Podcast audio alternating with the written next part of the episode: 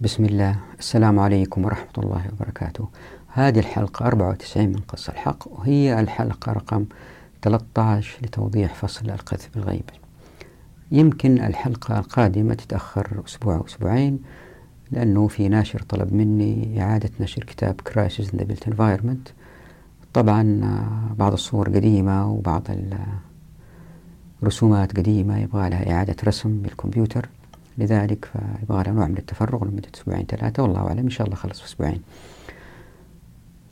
لم يأتي أي سؤال لذلك سنذهب إن شاء الله إلى الملخص. لكن قبل ذلك توضيح سريع جدا ألا وهو أنه في عز الظهر في الصيف في الصحراء الإنسان يرى الشمس بوضوح.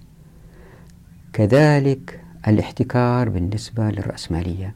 الإنسان إذا التفت لها يراها بوضوح. في الموارد والموافقات والمعرفة. وكنا دائما في الكتاب كتاب قصر الحق نركز على هذه الكلمات الثلاثة. هي كلمات مفتاحية الموارد والموافقات والمعرفة. وكل الفصول كانت بتبين لكم من البداية كيف أن الشريعة تفتح الأبواب في هذه الثلاثة ليزداد الناس تمكين ويتقاربوا في الدخل ويكونوا أعزاء وأحرار وينتفي التسلط في المجتمع. الآن إلى الملخص. لازلنا في الحديث عن الميزان بين العدالة والكفاءة. في هذه الحلقة راح نتحدث عن الاحتكار والحيرة والاشتراكية. نبدأ بالحديث عن أنه الأنظمة والقوانين في أي نظام لابد أن تؤدي للاحتكار لأن عندما توضع لابد أنه هناك أفراد ما يطبقوها بحذافيرها فلا يصير أنه الكفة تميل لصالح بعض الأفراد. وإن كان المجتمع وضع أدوات شديدة مثل شفافية عالية في الإعلام مثل كل شيء يكون مكشوف وواضح للجميع هذا راح يكلف المجتمع من حيث بيروقراطيات لتنفيذ هذا الهدف. فهناك طريق آخر وأسلم إلا وضعته الشريعة من خلال مخصوصة الحقوق. فأبدأ بضرب أمثلة من الاحتكار والمثال الأول هو عن شبكات الخدمات اللي تحت الأرض. فوضح أن هذه الشبكات هي اشتراكية في معظم الأحوال برغم أنها في دول رأسمالية. وهنا تذكير بسيط أنه في الفترة الأخيرة في بعض الباحثين بدأوا يفكروا في طرق لإخراج المجتمعات الرأسمالية من هذا التفكير الاشتراكي مثل جيرمي ريفكن واللي يتكلم عن ال Internet of Things فبيحاول مثلا بالإشادة ببيع الناس للكهرباء اللي بيوجدوها في منازلهم إلى شبكة الدولة أو الشركة بيحاول يبين أن هناك طريق آخر للخروج من هذا المأزق اللي إحنا فيه تحت مظلة الاحتكار الرأسمالي.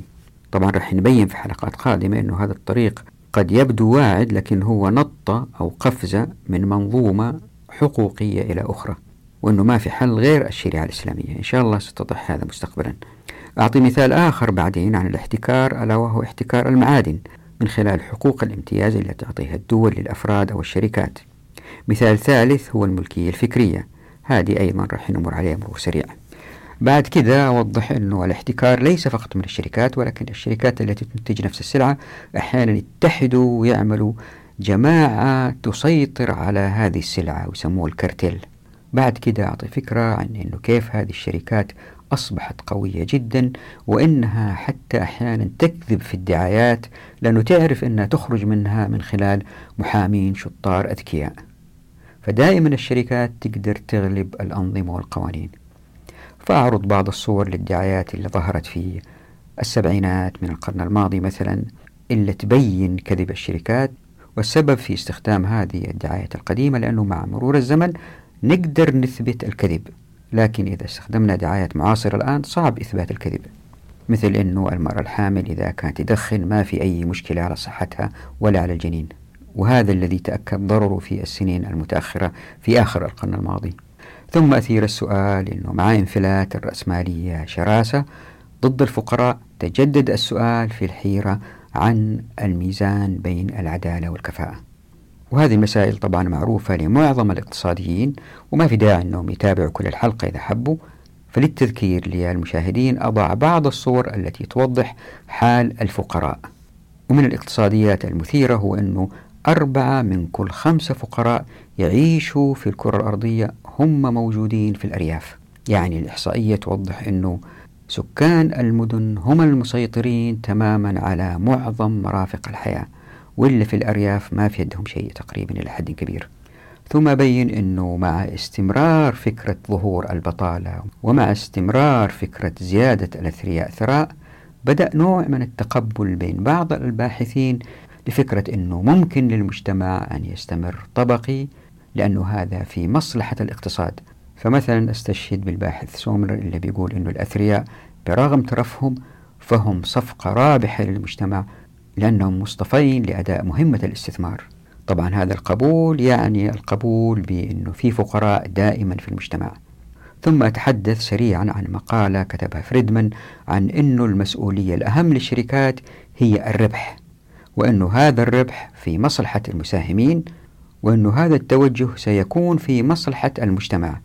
وهذا التفكير فتح الباب للشركات أنها تضع أهم هدف لها هو الربح حتى المساهمين يكسبوا بعض المال. وتزداد أسهمهم في السوق ارتفاع حتى لو كان هذا على حساب بعض الموظفين أو البيئة. وهنا وضعت ثلاث صور تلخص هذا التوجه لأني نسيت أتحدث عنها في التوضيح فوضعتها هنا. وكما تروا هنا في الصورة فهذا نقد لهذا التوجه يعني وكأنه هذا paradigm أو فلك فرعي منبثق من الرأسمالية. بعد كده أوضح حكايتي مع ال entrepreneurship. وهي كلمة ترجمت إلى مقاولة وهي تعني إمكانية قفز إنسان للكسب بنفسه من غير أن يكون مستعبد عند الآخرين. وأبين أنه مسألة الانتربرنورشيب هذه هي ترقيع للنظام الرأسمالي. وأسأل لماذا لم توجد هذه الكلمة في الإسلام؟ وبعد المرور على كل هذا حتى نثبت أن النظام الرأسمالي هو نظام احتكاري. أثير السؤال كيف الحداثة التي تدعي العقلانية وتدعي الانفتاح والإنسانية كيف وصلت لهذا الطريق المسدود بالبطالة العالية لأفراد قفلت أمامهم أبواب التمكين؟ حتى نجاوب على هذا السؤال لابد أن نمر على نظريات الاقتصاد فنبدأ بهذه الحلقة بالاشتراكية. وفي الحلقة القادمة نتحدث إن شاء الله عن الكنزية ورفض الإسلام لهذا التوجه ودولة الرفاهية والاقتصاد الكلاسيكي الجديد. هذه قد تأخذ حلقة حلقتين لا أدري. ففي الحديث عن الاشتراكية نبدأ عن معايير التوزيع وهذه إشكالية وقعوا فيها. هل التوزيع بالتساوي أو على قدر الحاجة أو على قدر العطاء؟ وهنا ملحوظة أنه من أهم المنظرين الحاليين للاشتراكية اللي يحاولوا يعيدوها للمجتمع الغربي بشكل آخر هو ديفيد هارفي وواحد اسمه بيرني بانر. وإذا وضعت أسماءهم في يوتيوب تجدوا لهم الكثير من المحاضرات. بعد كده أبين أنه الدولة حتى تعطي الناس فلوس بنظام اشتراكي يعني تعاونهم لابد أن يكون لها فلوس. من أين تأتي بهذه الأموال؟ فأبين أنه تملك الأصول المنتجة والخدمات وكل هذا سيؤدي لإضعاف الكفاءة. بعد كده أوضح فكرة فضل القيمة أو القيمة الفائضة اللي أثارها ماركس وهي مركزية في فكره وأبين النظرة المادية للمجتمع وأنه صراع طبقي مادي وأنه سيؤدي كما هو معروف للماركسيين إلى انتصار الطبقة العاملة. هذا اللي إحنا مو وتمنوه لكن هذا لم يقع ولن يقع. ليش؟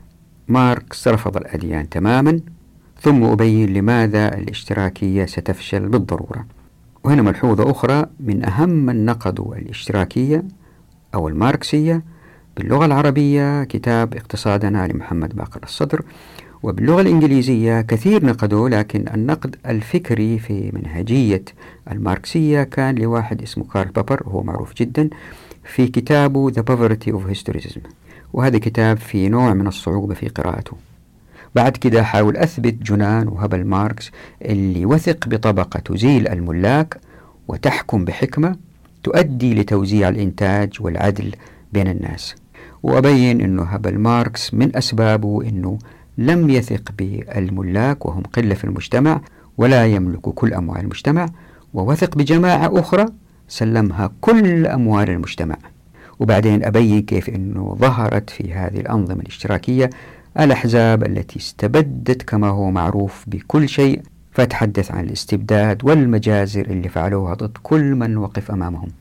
بعد كده أوضح عدة حيثيات عملية منطقية يصعب تطبيقها مع الاشتراكية مثل ربط التخطيط المركزي بالإنتاج مثل ضرورة ظهور السوق السوداء في نظام اشتراكي مثل تكدس السلع في المتاجر لأنواع لا تستهلك وندرتها في أنواع أخرى ويصير في طوابير من الناس عليها. وهذه الحيثيات صعب أوضحها هنا في هذا الملخص. اللي حاب يروح يشوف آخر 20 دقيقة من هذا الفيديو بعد كده انتهي بثلاثة دروس نستفيدها كمسلمين من فشل الاشتراكية. الدرس الأول هو الابتعاد عن مركزية الدولة في التخطيط الاقتصادي فيما يمس كل ما هو مستهلك. الدرس الثاني أنه كل ما زاد السوق شفافية كل ما زاد السوق كفاءة في إرسال إشارات طلب الإنتاج. وهذا الذي تفعله الشريعة. طبعا هنا ما نتحدث. عن الشريعة سيأتي التوضيح مستقبلا إن شاء الله. هنا الآن نبين فشل الاشتراكية. والدرس الثالث أنه القذف بالغيب من مكان بعيد سيسحب بالضرورة المجتمعات للفشل الاقتصادي. والآن إلى التوضيح. في النظام الرأسمالي ولأنه من إنتاج عقل بشري قاصر وحتى يزداد الإنتاج في المجتمع فتحوا الأبواب للتنافس. مع فتح الأبواب للتنافس والاحتمال يمكن ظهور مشاكل بين الناس وجدت الأنظمة والقوانين. هذه الأنظمة والقوانين هي في حد ذاتها تؤدي أحيانا للاحتكار. وإن لم تؤدي عند تطبيقها بعض الناس يتمكنوا من إيجاد ثغرات فيها حتى يزداد الاحتكار ويزداد ربح. هي طبيعة النفس البشرية إذا أطلقت بالذات زي ما شفنا في الحلقة الماضية في نظام يخلو من القيم. فاللي صار مع الرأسمالية ونضرب مثال واحد مثلا في الشريعة منع تلقي الركبان منع بيع الحاضر الباد. ما يمكن تظهر وكالات حصرية إن طبقنا الشريعة لأفراد اشتروا سلع من تاجر معين في بلد ثاني يبيعوها عندهم مثلا وكيل سيارة مرسيدس أو وكيل سيارة هوندا وما إلى ذلك وهذا معروف في العالم كله. مع الرأسمالية لأنه المنتج المصنع يمكن يبغى يريح دماغه ويبغى يتعامل مع بعض الموزعين الشاطرين اللي أثبتوا وجودهم في الساحة فيبيع من خلالهم حصريا. اللي بيصير إنه هذا الوكيل الحصري من غير ما يتعب كثير هو بيزداد ربح وبالتالي مع ازدياد ربح يمكن ياخذ وكالات أخرى ثانية وهذا اللي صاير. وبالتدريج وجد وهذا واحد من طبقة ثرية وثاني وثالث رابع تظهر الطبقة الثرية. الشريعة جات جذت هذه المسألة من جذورها. طبعا يمكن واحد يقول لي والله طيب كيف المسألة تشتغل؟ إذا كان المصنع لازم يتعامل مع كذا وكيل. هذه يأتي توضيحها إن شاء الله في فصل الفصل الوصل. لكن الآن هنا بنتحدث فقط عن الاحتكار. أعطيكم أمثلة الآن من بعض المسائل الاحتكارية التي لا بد للرأسمالية منها وما يمكن تستغني عنها. من الأمثلة المشهورة اللي لسبب ما بطبيعة التخصص لم يلتفت إليها علماء الاقتصاد هي شبكات الخدمات الشبكات التي توزع المياه الكهرباء التلفون في السابق الآن في جوالات شبكات التخلص من الفضلات. جميع هذه الشبكات لأنها تحت الأرض ولأنه يستحيل أنها تكون في يد عدة شركات. في الغالب هي في يد شركة واحدة شركة واحدة اللي تحفر شركة واحدة اللي بالتالي تملك هذه الشبكات. ولأنها هي ملكتها أصبحت احتكارية لا يستطيع أحد أن ينافسها. وبالتالي تضع الأسعار التي تناسبها وتجي الدولة بالأنظمة والقوانين تحاول أنها تضغط عليه حتى تنزل الأسعار. فدائما في العالم الغربي في نقاش حاد عن أسعار هذه الخدمات هل هي مبررة أو ليست مبررة وما إلى ذلك. طبعا هذا الاحتكار يؤدي بالتدريج أو بالتالي إلى أنه التفكير في إيجاد المعرفة العلمية التقنية للتخلص من الفضلات أو لتوزيع المياه أو توزيع الكهرباء توجه دائما إلى أنه جهة واحدة هي المسيطرة سواء كانت وزارة المياه والصرف الصحي الله يكرمكم أو كانت شركة تقوم بذلك.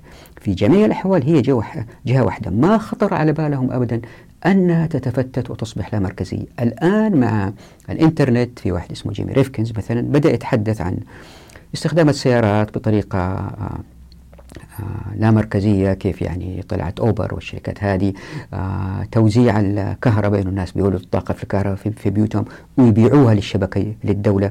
فبدأ يظهر نوع من التغيير الذي يقترب من الإسلام. لكن طول هذا الوقت إلى قريب وإحنا شغالين بالطريقة المركزية في استحداث الخدمات.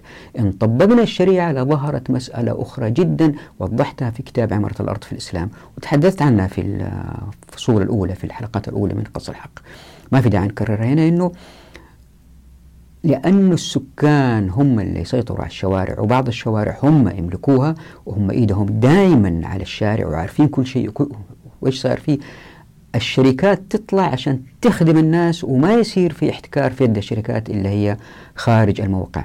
وطبعا شتان بين حالين إنه الناس في الموقع هم عارفين كل شيء وتظهر شركات تخدمهم حتى إن كانت الشركات هذه احتكارية هي تحت مظلة الناس. وضع مختلف بين الحالين ما يمكن يرى العقل البشري القاصر. ليه؟ لأنه في احتكار. ومن أهم الامتيازات حقوق الاحتكار زي ما شفنا في فصل الخيرات وفي إحياء الأرض. الأراضي لمن حازها إذا أحياها يملكها المعادن لمن حازها إذا استخرجها. وفصلنا هذه المسألة مع النظم الوضعية البشرية من العقل القاصر اللي صار أنه لأن الدولة دائما تريد المزيد من المال حتى تغطي نفقاتها ولا يمكن إيجاد نفقاتها من الناس اللي صار أنه تعطي حقوق الامتياز للبحث عن معدن واستخراجه من منطقة معينة لعشرين ثلاثين سنة أربعين سنة لشركات معينة. وهذه الشركات لأنها تملك التقنية والناس ما عندهم التقنية ولا الدول عندهم التقنية إلا بيصير أنه تأتي عن طريق وكالات حصرية أو ناس متنفذين يحصلوا على حقوق مالية لأنهم وسيطين بين الشركة وبين الدولة. ثم تأتي هذه الشركة لأنها مدعومة من الدولة وتلوث الكرة الأرضية من دون سبب. عندي طالب أندونيسي هنا. جاب لي أمثلة من أندونيسيا تشيب الرأس كيف الشركات الغربية تستخرج المعادن وتلوث القرى اللي بيستخرجوا منها المعادن. وريتكم صور في الحلقات الأولى. مثال ثاني مثلا في نيبال يوجد أحجار توجد أحجار كريمة تحت تحت الأرض فالحكومة كانت عسكرية وأعطت حقوق الامتياز لشركات الشركات دي تشغل سكان المنطقة بنصف دولار في اليوم لعشر ساعات في اليوم. يعني هدول يشتغلوا ويتعبوا وعصارة شغلهم تأخذها الشركات اللي يأتوا الضباط والعسكر يأخذوا جزء معقول منها والباقي يذهب إلى الشركة. وهذا كله ظلم يؤدي إلى زيادة الفقر. انظروا إلى جميع الدول العربية دون استثناء. فين ما نظرتوا سواء كان نفط أو سواء ذهب أو سواء حديد أو فوسفات أو اللي يكون هي شركات تقوم بهذه الأعمال. إن لم تكن شركات في حالات أفضل هي مؤسسات تملكها الدولة.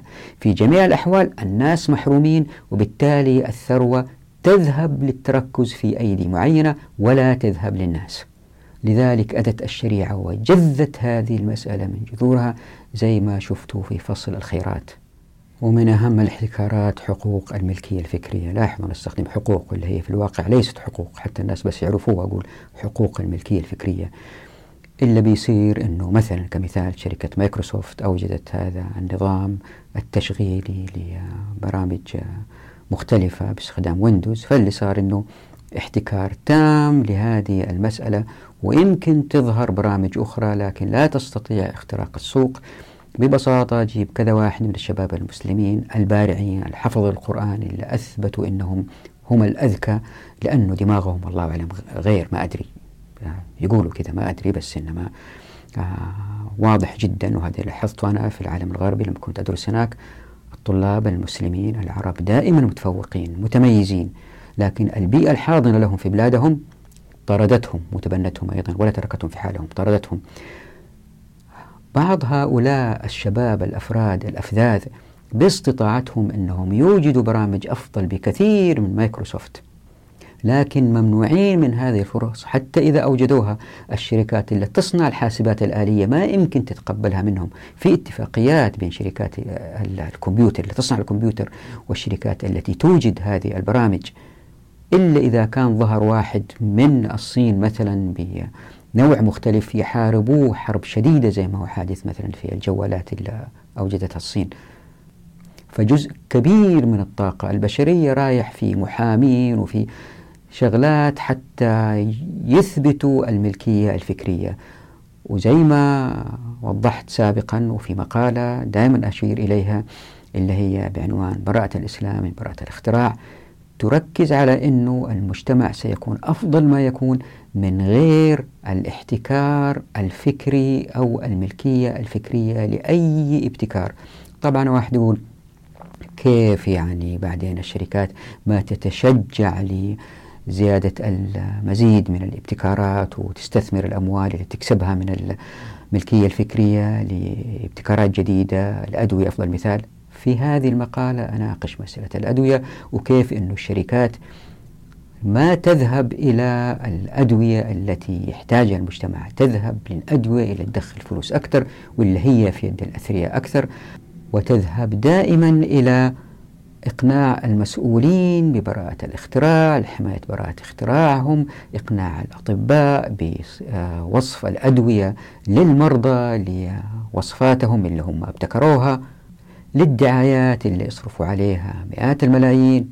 أقرأوا المقالة تروا الإحصاءات كيف أنه الأفضل البشرية أن تبقى الملكية الفكرية مفتوحة للجميع يعني ما في ملكية فكرية أبدا.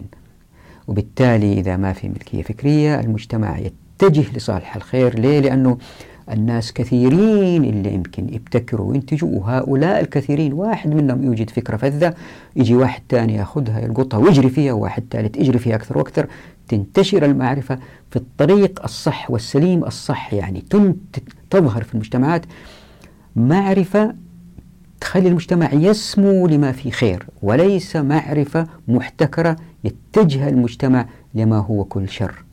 يا ريتكم تقرأوا هذه المقالة هذه راح أوضحها إن شاء الله في فصل المعرفة لها فصل خاص وراح أضيف عليه. هذه المقالة كمقدمة لأن واحد سألني قال لي معرفة معرفة طفشتنا. يا أخي قل لنا حاجة. فكتبت هذه المقالة للرد على هذه المسألة. يا ريتكم تقرأوها لكن يأتي تفصيلها مع أمور أخرى إن شاء الله في فصل المعرفة إن شاء الله بإذن الله. هذه الشركات اللي احتكرت الموارد لأنه عندها رؤوس أموال واحتكرت الحقوق من الدول من خلال الامتيازات واحتكرت المعرفة ازدادت قوة. وغير كذا بعد ما ازدادت قوة حتى تسيطر على السوق إذا كان في شركة ثانية أو ثالثة نافستها الشركات هذه يشعروا أنه ما في بد أنهم واحد منهم ينتصر على الآخر إذا اتحدوا. فاتحدوا يسووا حاجة اسمها كارتيل اللي هي تسيطر بالاتفاق بينهم على السلع اللي تنزل السوق لا تكثر حتى سعرها ما ينزل ويفضل السعر مرتفع واتحدوا فيما بينهم وبالتالي معظم اللي موجود في حياتنا زي ما أنتم شايفين هو من إنتاج شركات كبرى. انظروا المكيفات للتلفزيونات تركوا للناس المواد الغذائية توصيل المواد الغذائية الأفران. بعض الأشغال اليومية البسيطة لكن معظم الشركات هي المسيطرة على حياتنا الإنتاجية حتى الأكل مثل شركات ماكدونالد برجر كينج بيتزا هات بدأت هذه الشركات أيضا تسيطر على طريقة أكلنا. طبعا الشركات تتوسع أياديها ما وصلت لبعض القرى في المغرب مثلا أو في الجزائر لكن وصلت للمدن الكبرى وشوية شوية بتسيطر في الدول اللي فيها أموال في المناطق اللي فيها أموال بدأت تسيطر أكثر وأكثر. واللي ساعد على السيطرة أيضا كذبهم في الدعايات يسووا دعايات وانطر الناس بالدعايات. زي ما أنتم شايفين هنا في الشاشة وضعت شوية دعايات من الخمسينات والستينات سبعينات القرن الماضي تبين كذبهم كيف إنهم يكذبوا ليل نهار على الناس ويقنعوهم يشتروا منتجاتهم وبالتالي يزدادوا قوة وسيطرة.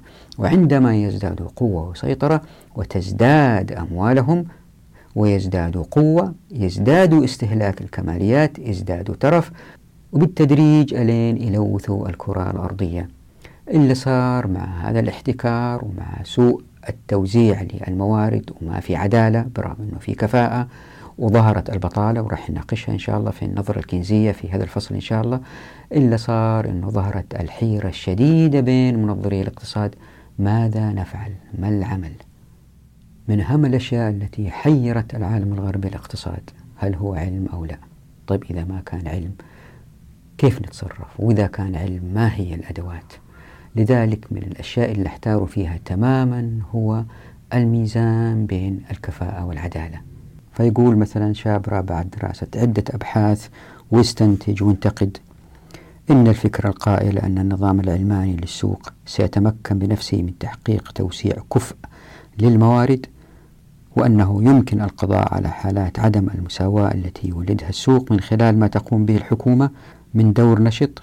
تبين أن هذه الفكرة إن هي إلا أضغاث أحلام. وهذا واقع ملموس. كل ما عليك هو أنك تنظر إلى عواصم العالم الثالث حتى ترى الأثرياء في عمارات شاهقة. وزي ما أنتم شايفين هنا في الصور حارات للفقراء بجانبها حارات للأثرياء. أو قصور ريفية فارهة بينما الفقراء على الأرصفة هذا في دولة العالم الثالث ويمكن من أكثر المناظر إيلاما هي التي في الهند. تشوف يافطة ارتفاع 20 متر دعائية لشركة إنتاجية مثل دخان أو ماكدونالد وتحتها الفقراء نايمين كل واحد عنده بطانية القديمة اللي عمرها يمكن 20 سنة. وبالطبع هذول ما عندهم لا ماء ولا كهرباء ولا دورات مياه حتى لدرجة أنهم تعودوا على قضاء حوائجهم في الشوارع أحيانا زي ما أنتم شايفين هنا في الصورة. وبالنسبة للعالم الغربي كل ما عليكم هو أنكم تزوروا أواسط المدن الأمريكية. تروا الفقراء على المغرب على الظلمة يبدأوا يحتازوا الأماكن اللي هي تحت الكباري في الأركان حتى يناموا فيها. ناهيكم عن انتشار المخدرات وشراسة المجرمين في السجون وما إلى ذلك. خليني هنا أضع فقط إحصائية واحدة وهي قديمة من الوقت اللي كنت بكتب فيه هذا الفصل. فقد زادت نسبة من هم تحت خط الفقر في الولايات المتحدة الأمريكية من 11.1 سنة 1973 إلى 15.2 سنة 1983 وهذه طبعا نسبة جدا مرتفعة إن استمرت في الزيادة بنسبة 4% كل عشر سنوات لكن بالطبع لن يسمح السياسيين للوصول إلى هذه النسبة. لكن اللي بيصير أنه كثير من الناس اللي هم من الطبقة الوسطى بينزلوا تحت ليقتربوا من الطبقة الفقيرة. وهذه الإحصائيات ترعب الاقتصاديين لكن ما في مفر أمامهم غير الاشتراكية لأنهم لا يريدوا النظر إلى الأديان. ليس هذا فحسب لكن أيضا أحياء الفقراء أو أحياء الأفراد اللي هم ذوي الدخل المتوسط أو أقل ليست مخدومة بالشبكات مثل أحياء الأغنياء. لأن الأغنياء يتمكنوا من الوصول لأصحاب القرار ويفرضوا عليهم يضغطوا عليهم أنهم يوصلوا لهم أفضل أنواع الخدمات. بينما مناطق الفقراء ما فيها أرصفة وإذا فيها أرصفة ما فيها شبكات مياه ولا كهرباء يا دوب التلفون ومن علامات هذه الحيرة بين الكفاءة والعدالة مثلا بعض الاقتصاديين ووجدوا نظريات كيف أنه يدخلوا القيم في السيطرة على الاقتصاد. طبعا هذه لن تتحقق في العالم الغربي لأنه عالم علماني. كيف تبغوا تسيطروا على قيمهم؟ لذلك تفضل هذه النظريات على مستوى التنظير الأكاديمي وليس على مستوى واقعي عملي. ومن هذه الحيرة اللي احتاروا فيها إيجاد نظريات تؤدي إلى المزيد من الإنتاجية لأنه قالوا كل ما ننتج أكثر نقدر ناخذ من الأثرياء ضرائب أكثر وبالتالي يتجمع المال أكثر عن الدولة ونقدر نصرفه على الفقراء في التعليم في الصحة في بناء مساكن مجانية. لكن اللي بيصير أنه هذا التوجه أيضا وسيأتي توضيحه في فصل الرفاه أيضا إذا كان أخذ به أنه عندما نطلق أيدي الأغنياء أكثر اللي بيصير أنه بعض الشركات بتستخدم الأجهزة والمعدات وتستغني عن الأفراد وبالتالي مع التقدم التقني بتزداد الأيدي العاطلة في المجتمع. وكأنه البطالة صفة مستمرة لا يمكن للبشرية أن تتخلص منها في النظام الرأسمالي. فمثلا عالم الاجتماع الأمريكي سومنر أعلن أن أصحاب الملايين هم نتيجة الاصطفاء الطبيعي إنهم الأدوات المختارة طبيعيا للقيام بعمل ما. فهم يحصلون على أجور عالية ويعيشون مترفين ولكن الصفقة رابحة بالنسبة للمجتمع. فظهر هذا التوجه أنه معليش نزيد الثراء عشان نأخذ المال من هؤلاء الأثرياء لدرجة أنه فريدمان وضع آه نظرية نسيت عام كم أنه في مصلحة الشركات أنها تكون جريدي يعني جشعة يعني تسحب مال أكثر من المجتمعات ليه؟ لأنه بزيادة ثرائها بتتقدم التقنية ويفتح أبواب جديدة للأيدي العاطلة في مجالات جديدة من خلال التقنية وفي تلك اللحظة من مقالة هذه اللي وضعت صورتها هنا إلا صار أنه الشركات بدال ما تحاول تربح على المدى الطويل السوق والإنتاج وتحمي البيئة فالربح كان هدف أساسي يزيد في أهميته على كل شيء آخر الاستراتيجيات المستقبلية للشركات مثلا حماية البيئة حماية الموظف دعم الموظف إذا كان مريض إجازات أكثر. كل هذه أخذت درجة ثانية. الدرجة الأولى كانت الربح لدرجة أنه ظهر فيلم وحطت عنوانه هنا يوضح هذه المسألة أنه يا شركات أسعوا أكثر إلى الربح المالي لأنه بطريقة غير مباشرة هذا الربح سيكون في مصلحة المجتمع. حتى الدول التي حاولت أن تكون عادلة في توزيع الثروات بوضع ضرائب تصاعدية عالية على الأثرياء يعني كل ما زاد الإنسان في دخله كل ما زادت عليه الضريبة إلا صار أنه في هذه الدول الناس اللي هم ما هم أثرياء جدا ثراهم نوعا ما معقول أموالهم تؤخذ منهم مباشرة من رواتبهم مثلا. لكن الناس اللي هم ملاك لرؤوس أموال كبيرة شركات كبيرة بيقدروا عن طريق محامينهم بالتلاعب تسريب أموالهم لخارج الحدود لدول أخرى وضعها في بنوك سرية يعني قادرين يفلتوا من الضرائب مش زي الصغار اللي بيتصادوا في الضرائب. هنا زادت اللا عدالة بين الناس. في عام 1980 أول سنة لي في الدكتوراه بدأت ألاحظ أنه المدينة الإسلامية بدراستها تختلف جذريا عن المدن الأخرى من حيث التمكين.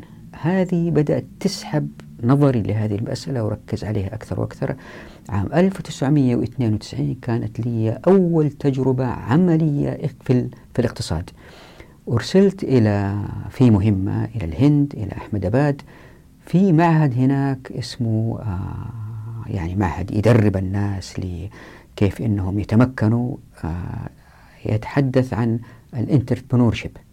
entrepreneurship هذه كلمة ما وجدت لها أبدا مرادف في اللغة العربية فأحترت في هذه المسألة لأنه إذا واحد ترجمها entrepreneur entrepreneurship مقاول مقاولة. فترجمة ما هي صحيحة. لاحظت أنه في المجتمع وجلست مع الشخص اللي أنشأ هذا المعهد institute آه جلست معه آه أفهم أنه هو إيش بيحاول يسوي. كان هذا المعهد مرشح لجائزة فأنا ذهبت لتقرير عن هذه الجائزة عن, عن, عن هذا المعهد. بيقول لي أنه الهند أبواب التمكين مقفلة فيها في جميع المراحل ما يمكن لأي شخص عادي أنه يصير حتى نصف ثري مش ثري. ليه؟ لأنه ما يعرف كيف يتعامل مع البنوك ما يعرف كيف يتعامل مع الدولة ما يعرف كيف يتعامل مع المؤسسات اللي هي يستفيد منها وليست من الدولة. حتى يبدأ أي عمل تجاري عمل تصنيعي. لذلك أوجد هذا المعهد عن طريق أظن المتحدة ما أتذكر إيش. أوجد هذا المعهد حتى يجيبوا الأفراد النابهين ويعلموهم كيف يمكن اخترقوا الحواجز هذه الذي وضعها المجتمع. على الأقل تتكون طبقة تجارية صناعية وسطى ومش فقراء وأغنياء جدا. كانت هذه فكرة المعهد. فإلا صدمني يعني. هذه الكلمة ليش مش معقول ما لها مرادف في اللغة العربية؟ بدأت أبحث وجدت أنه أساسا في اللغة العربية ما نحتاج هذه الكلمة إن طبقت مقصوصة الحقوق. مع فتح أبواب التمكين في الموارد والموافقة والمعرفة الكل يكون جاهز وتأتي تفصيل هذه إن شاء الله جاهز ويقدر يخوض غمار أي مسألة صناعية تجارية ويقدر يبدع فيها. لكن في العالم الغربي مع الحداثة إلا صار أنه إنسان ما يقدر يبدأ أي عملية تجارية أو صناعية إلا من خلال مثلا عشرات الأوراق اللي يقدمها للدولة عشرات الأوراق اللي يقدمها للبلديات. وفي ناس ماهرين وشطار لكن ما يعرفوا يسوي هذه الأوراق. مع الإسلام ما في أوراق تنطلق على طول تبدأ. في ناس ما يقدروا يأخذوا قرض من البنك لأنه ما عندهم في تاريخهم ما يثبت للبنك أنهم يقدروا يسددوا مرة ثانية. بينما الأثرياء عندهم هذا التاريخ ويقدروا يمشوا من مشروع لمشروع. فظهر هذا المعهد اللي يدربهم ويعطيهم الشهادة بالشهادة هذه بعض البنوك تعطيهم قروض صغيرة يعني وزرت عدة آه، معامل تشغيل في واحدة مسلمة مثلا كانت فتحت معمل وبدأت لوحدها بخي... بس بس اشترت ماكينة خياطة واحدة بدأت تخيط خيط تنتج سددت اللي عليها أشترت ماكينة ثانية جابت صاحبتها تخيط معها وشوي شوية دخلت مبنى ما في ركن في المبنى هذا إلا في ماكينة خياطة. وهذا مجتمع غالق كل الأبواب فقط هذه واحدة قدرت. ورأيت أمثلة أخرى ثانية. فالنقطة هي النظام الرأسمالي يدرك هذه المسألة لكن ماشي فيها مو قادر يخرج منها أبدا. هو يدرك أنه بيقفل أبواب التمكين وعلم الانتربرنورشيب هذا علم كبير وواسع. هو يدرك تماما كنظام رأسمالي هذه الإشكالية لكن راضي عنها على مستوى عالي لأن هؤلاء دائما اللي في المستوى العالي والسياسيين هم يصيحوا هم يريدوا وضع حلول. لكن هم مستفيدين ومرتاحين وماشية الأمور. ويوم عن يوم البشرية ماشية في نفس الخط. الغني غني ومرتاح والفقير فقير وماكل هوا. طيب السؤال هنا كيف الحداثة التي تدعي العقلانية وتدعي الانفتاح وتدعي أنها إنسانية؟ كيف وصلت إلى هذا الطريق المسكر بقفل أبواب التمكين؟ للإجابة على هذا السؤال يجب أن نمر أولا وسريعا على بعض نظريات الاقتصاد حتى نشوف الفرق بينه وبين الإسلام. رح نمر إن شاء الله على النظرة الكنزية وبعدين ننظر على دولة الرفاهية وبعدين الاقتصاد الكلاسيكي الجديد. وجميع هذه النظريات راح ننظر لها أيضا بزوايا أخرى في فصل الفصل والوصل طبعا لابد أن نقارن وإحنا ماشيين جميع هذه النظريات بالإسلام. خلينا نبدأ بالاشتراكية. فكرة إيجاد توزيع عادل لثروات الأمة هي فكرة تتطلب وجود معايير عن ماهية العدل. فهل العدل بأنه يأخذ الناس بالتساوي ولا بقدر حاجاتهم ولا بقدر قدراتهم؟ لأنه في ناس احتاجوا أكثر مما يقدروا وفي ناس يقدروا أكثر مما يحتاجوا. هل نفاضل بينهم ولا نسويهم بالتساوي؟ وهل المساواة هي العدل؟ طبعا بغض النظر عن الإجابة على هذه الأسئلة باستخدام العقل القاصر في جميع الأحوال عشان الدولة تتمكن من تبني أي نوع من التوزيع العادل لا بد لها من أن تمتلك الأصول المنتجة في المجتمع إيش هي الأصول المنتجة؟ تحدثنا عنها سابقا ألا وهي الموارد زي النفط رسوم الخدمات زي الكهرباء والماء الجمارك رسوم إجراء المعاملات وكل حاجة تأتي للدولة لكن من أهمها الأصول المنتجة هي ماذا؟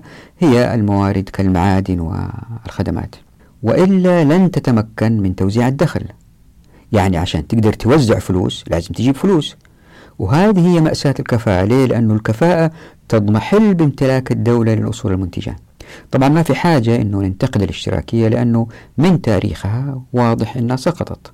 طيب ليش ندرسها؟ حتى نعتبر من تاريخها من أهم الملاحظات على تاريخها أن الماركسية التي هي أصل الاشتراكية لا تبحث عن توضيح آلية عمل السوق بقدر ما تبحث عن قوانين تطور آلية عمل السوق الاقتصادي التاريخي لاكتشاف قوانين التطور لتأسيس ما يدعى بالاشتراكية العلمية بالاعتماد على نضال الطبقة العاملة للوصول للسلطة.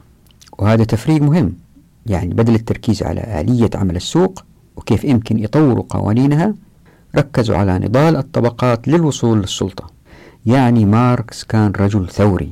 ويمكن أهم فكرة لماركس وهذه فكرة سبقوا فيها ريكاردو لكن بنظرة مختلفة هي أن سعر بيع أي سلعة هو في العادة أكبر من قيمة العمل المبذول فيها. طبعا هذا شيء معروف من قبل ماركس. تسأل أي منتج يقول لك والله بتكلفني قد كذا وبيع قد كذا.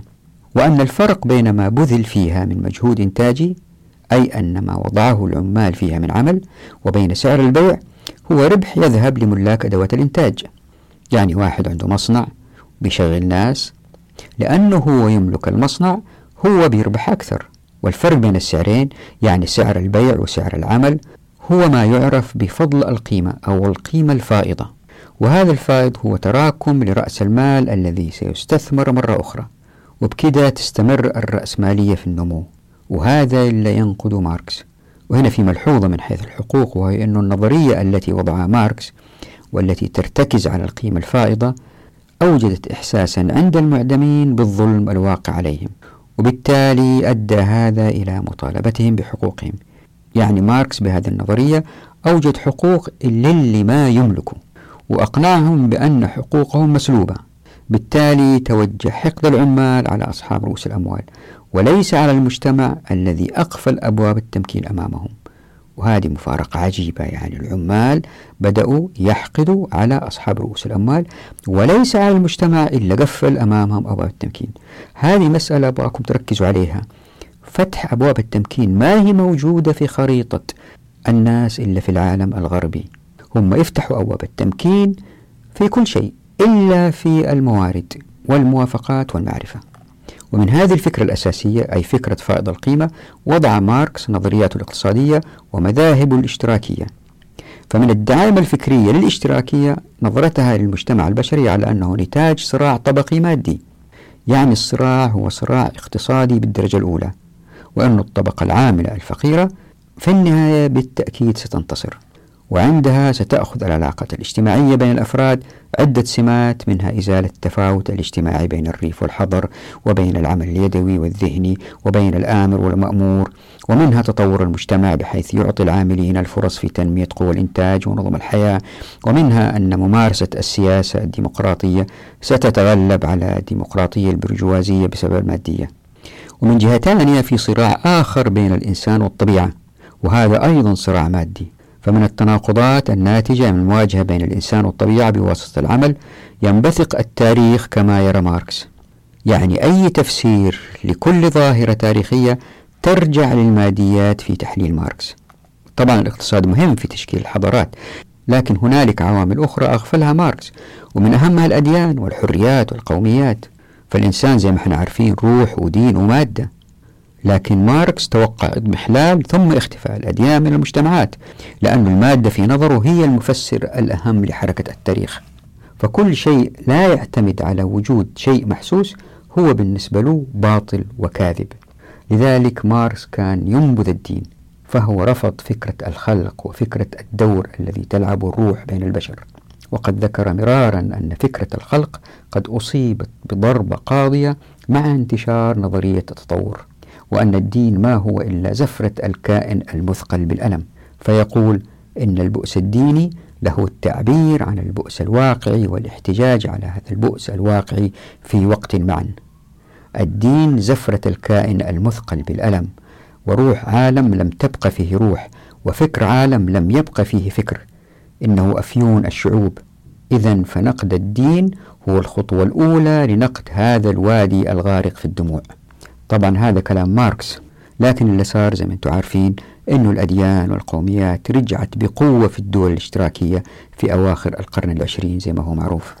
أما بالنسبة على المستوى الفردي فالناس شتى في تفضيلاتهم فالمادة ليست هي المرجع الوحيد لتصرفاتهم هذا ثابت فقد يفضل البعض العمل لنفسه على أن يعمل أجيرا مسيرا بدخل أعلى وهكذا يعني إغفال العوامل على حساب الماديات خطأ جسيم وقع فيه ماركس.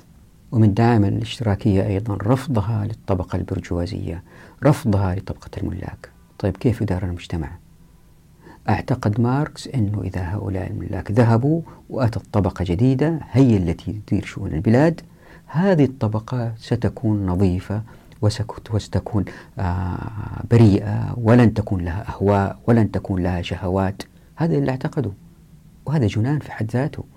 فإلا صار أنه فشلت هذه النظرة تماما لأنه زي ما أثبت التاريخ اللي شفناه في روسيا وشفنا الدول الشرقية الثانية إلا صار أنه هذه الطبقة أصبحت متنفذة واللي زاد من نفوذها القاعدة اللي أطلقها لينين أنه هذه الطبقة يا حتى تنظف المجتمع من الرأسماليين يجب أن تكون طبقة عندها صلاحيات واسعة تفعل ما تشاء وما حد يسائلها. وبدأ تنظيف المجتمعات بالقتل والتعذيب والتشريد. وهذه الطبقة بدأت تستحوذ لنفسها الكثير من الخيرات وتصير طبقة مستبدة أسوأ من الطبقات الثانية. بريجينيف كانت عنده سيارات فخمة متنوعة كان يستمتع بهواية جمعها. فزي ما هو معروف في كتاب غورباتشوف زعيم حركة إعادة البناء والإصلاح البروسترويكا في الاتحاد السوفيتي قال بيد أن فترة الركود مرتبطة أيضا بأنه قد ضعف الانضباط في تنفيذ القوانين وظهرت من جديد عناصر الجور واللاشرعية ومن ضمنها في صفوف القادة أيضا. فالقضاء والنيابة العامة والهيئات الأخرى الملزمة بالحفاظ على النظام في المجتمع ومكافحة سوء الإدارة قد وقعوا في حالات غير قليلة تحت سلطة الظروف وأصبحوا في حالة التبعية وتنازلوا عن المواقف المبدئية في المعركة ضد انتهاكات القانون وتكررت حالات الفساد في جهاز حفظ القانون نفسه. وأيضا زي ما إحنا عارفين أن الرئيس اليوغوسلافي استحوذ على ما يربو عن العشرة قصور لنفسه. أما الرئيس الروماني تشاوسسكو عين زوجته وأقاربه في مناصب رفيعة وأغدق عليهم. بينما عامل شعبه بقسوة شديدة خلتهم يقتلوه هو وزوجته لارتكابه جريمة الإبادة الجماعية. ولأنه كان في تمادي في استغلال المناصب في هذه الدول الاشتراكية ثار بعض المخلصين لأفكار الحزب الاشتراكي الحاكم. بالتالي كان النهج السلطوي رهيبا جدا في رده وهو جذ كل معارض. لذلك اتسمت سياسات الأحزاب الاشتراكية بالدموية. كل معارض يصفوه تصفية. فقد شملت عمليات التطهير تسعة وزراء من أعضاء الوزارة الإحدى عشر في الاتحاد السوفيتي سنة 1936 ميلادي وشملت خمسة رؤساء من السبعة المكونين للجنة السوفييت التنفيذية المركزية التي وضعت دستور سنة 1936 ميلادي وشملت 43 أمينا من 53 من أمناء سر منظمة الحزب المركزي وحوالي 60% من مجموع الجنرالات في الجيش السوفيتي. وهكذا من المجازر. ويمكن واحد يقول هذه الأرقام عن الاعتقالات والمجازر. نراها في معظم الدول العربية بالذات الدكتاتورية. في سجون وعلماء يسجنوا وفي وفي وفي. هذا صحيح لكن الفرق بين اللي أوجده ماركس وباقي الدول أنه ماركس ببلاهة ببلاهة وقع في فخ. ما وثق في بعض الرأسماليين اللي يملكوا بعض ثروات الأمة مش كلها ومسك كل هذه الثروات ومسكها لبعض الأفراد اللي قال يمكن يكونوا علماء ويمكن يخططوا للمستقبل. نسي أنه هؤلاء الأفراد لهم أهواء. بالتالي أهواءهم راح تضيعهم إذا مو في الجيل ده في الجيل الثاني عن المصلحة. فهو اعتقد ومتأثر بنظريات نيوتن على أنه الكرة الأرضية والكون ممكن نتوقع ما الذي سيحدث مستقبلا. تذكروا الحديث عن القذف بالغيب في الفيديوهات السابقة؟ توقع أنه ممكن إيجاد جهاز تخطيطي مركزي يستطيع أن يضع للأمة الخطط المستقبلية. إيش يأكلوا إيش يشربوا إيش يلبسوا إيش فين فين يسكنوا. لدرجة أنه في آه آه فيلم مضحك فيلم مضحك جدا. في واحد في الاتحاد السوفيتي كان آه يسكر راح آه بار وسكر ولما هو راجع البيت أعطى سواق التاكسي العنوان أخطأ ركب قطار تاني آه بدل ما القطار اللي يوديه على الحي اللي هو فيه نام صحي نزل أخذ تاكسي. بالتاكسي هذا بعدها راح إلى أعطى سواق التاكسي العنوان وداه العمارة دخل العمارة راح للشقة فتح الشقة بنفس المفتاح دخل الشقة حصل ست نايمة في سريره. ضربته الست قالت له أنت إيش جيت تسوي هنا؟ قال لها هذه شقتي. قالت له شقتك أنت في المدينة الثانية. يبنوا مشاريع إسكان بنفس الأشكال بنفس الأنواع. بنفس المفاتيح بنفس الأثاث. سلبوا الأفراد حرياتهم سلبوا الأفراد إمكانية الاختيار. كل شيء الدولة المركزية تسويه وبالتالي صارت الحياة مملة جدا للناس. ناهيكم عن أن هؤلاء المسؤولين. المفروض الواحد فيهم يعطي قدر ما يستطيع ويأخذ ما يحتاج. إلا صار يعطي أقل مما يستطيع ويأخذ أكثر مما يحتاج. وبالتالي ظهرت الفوضى فهو أو ظهر الكساد وحتى لا تظهر الفوضى والناس. ما يعرفوا إلا, ساير في المجتمع ظهرت الاستخبارات والمباحث وما في إعلام حر وما في ما في ما في سيطرة تامة على المجتمع. يريد المجتمع يصير كالماكينة وكل جيل يستلم زمام الحكم يقول دولاك فشلوا إحنا نظبطها أكثر إحنا نعرف كيف نتخذ قرارات أسلم. ولما نتخذ قرارات هذه يبغى تنفيذ. اللي بينفذوا لأنهم ما يملكوا ما لهم اهتمام هم موظفين. طبعا أشتغل ليش؟ هذا كلام معروف جدا لأي اقتصادي. لماذا فشلت الماركسية؟ فشل ذريع جدا. لبلاهة لبلاهة ماركس هذا. حتى أنه وزير خارجية إستونيا بعد استقلالها من الاتحاد السوفيتي قال عندما تغلق أفواه الناس ويصبحون غير قادرين على التكلم وعندما نغلق عيونهم بمنعهم عن السفر وعندما تسد آذانهم بالتشويش على أمواج الأثير ويصبح الناس سلبيين أو مستسلمين جدا. وفي هذه الحالة عندما لا يهتم الناس تبدو الطبيعة نفسها وكأنها تفعل نفس الشيء فتنتج الحقول قمحا أقل وتموت الأحراش من التلوث وينحط المجتمع بأسره. حتى مقدرة الطلاب على التعلم تراجعت.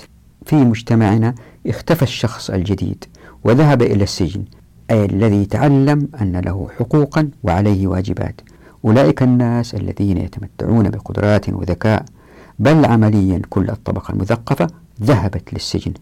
لقد تطور بقية العالم أما نحن فقد عدنا إلى الوراء. هذا هو الفارق المأساوي بين الاتحاد السوفيتي وبقية العالم.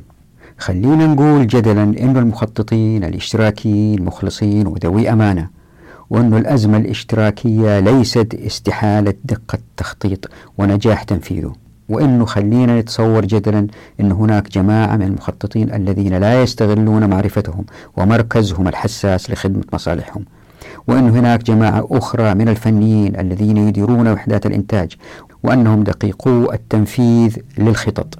يكون السؤال كما وضعه الباحث سمير أمين أين دور العامل العادي في كل ذلك؟ أهو دور يقتصر على انتخاب من يتخذ القرار محله؟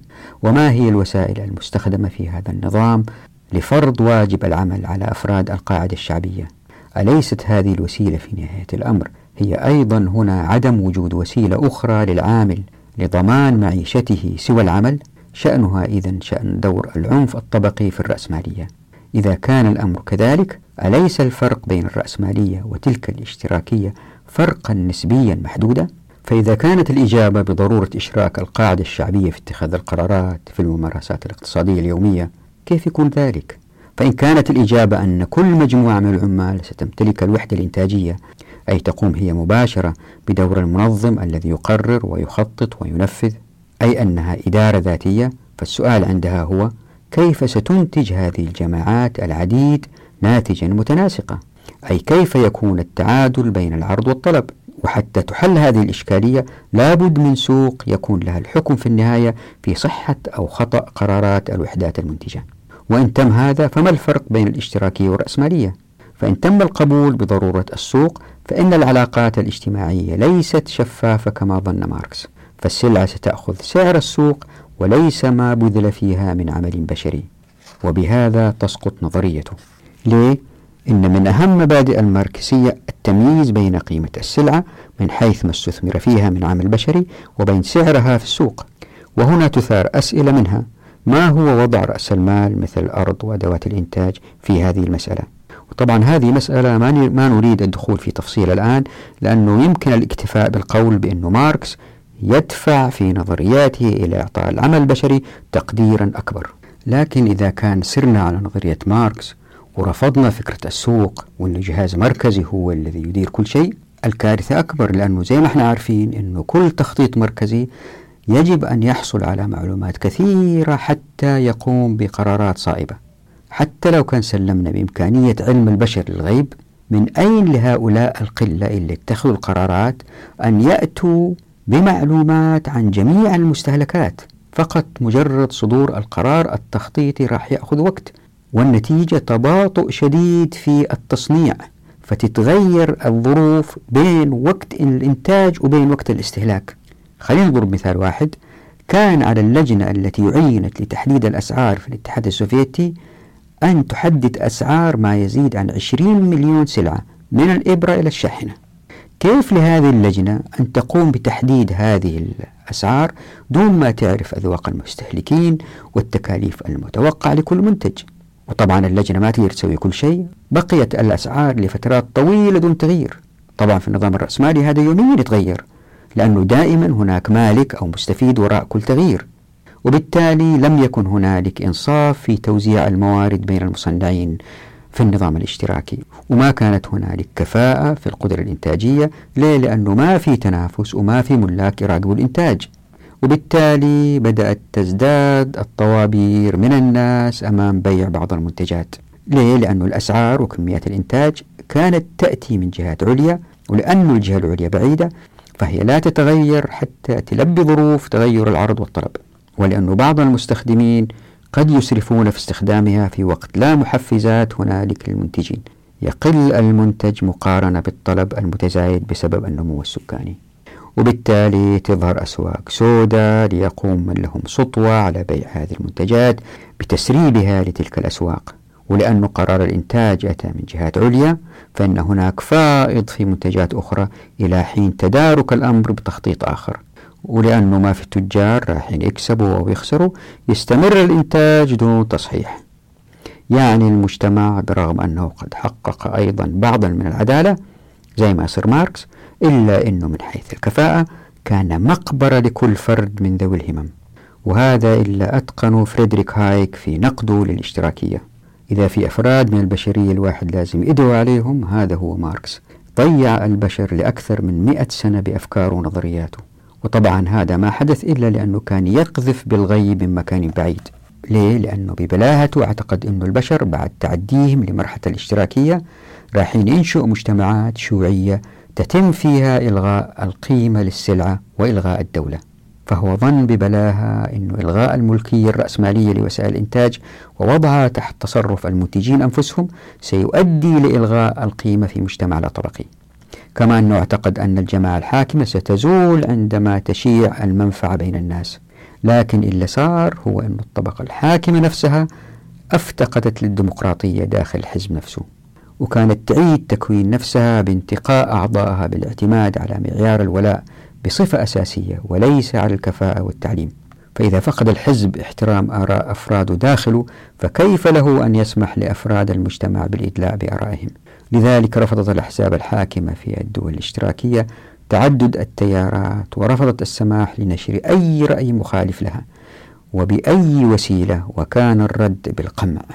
وطبعا من هذا اللي شرحته الواحد يستنتج أنه كل دولة اشتراكية وكأنها شركة رأسمالية كبيرة يقوم فيها المخططون أو الملاك بإدارتها والشعب هم العمال. وهذا تصور حقيقي وصل إليه بعض الباحثين الذين ذهبوا إلى أن الاشتراكية في واقعها ليست إلا رأسمالية ولكنها رأسمالية الدولة وبهذا فهي أسوأ من الرأسمالية العمال. ومن هذا العرض السريع الاشتراكية الواحد يمكن يستفيد ثلاثة دروس. الدرس الأول هو أنه كل ما ابتعد الاقتصاد في إنتاجه عن مركزية الدولة كل ما انتعش أكثر لأنه مركزية الدولة تعني السيطرة من خلال إيجاد القيود على المنتجين وهذا يكبلهم ويثبط من عزائمهم بالإضافة إلى التلاعب الذي سيحدث من هذه الأنظمة والقوانين في المحاباة وفي السرقات وما إلى ذلك بالإضافة إلى البيروقراطيات. هذه الفائدة الأولى. الفائدة الثانية اللي نستفيدها أنه كل ما زاد السوق شفافية في في إرسال الأسعار للسلع بين المنتجين أو من المستهلكين. إلى المنتجين كل ما زاد السوق كفاءة لأن الأسعار تعكس بسرعة ما يحتاجه المجتمع. فتتوقف المصانع عن إنتاج ما ينزل سعره ويزيد في إنتاج ما هو مطلوب بارتفاع سعره. الفائدة الثالثة هي أنه ماركس واللي اتبعوه كانوا يقذفوا بالغيب من مكان بعيد. كانوا يعتقدوا أنهم يروا أن يستطيعوا أن يروا المستقبل وهذا مستحيل من الاشتراكية. هذا الدرس اللي نتعلمه القذف بالغيب من مكان بعيد يسحب المجتمعات للفشل الاقتصادي. طبعا ما انتهينا العقل البشري القاصر أنتج النظرة الكينزية وأنتج لنا دولة الرفاهية والاقتصاد الكلاسيكي الجديد. ستأتي إن شاء الله في الحلقات القادمة. نراكم على خير. في أمان الله ودعواتكم.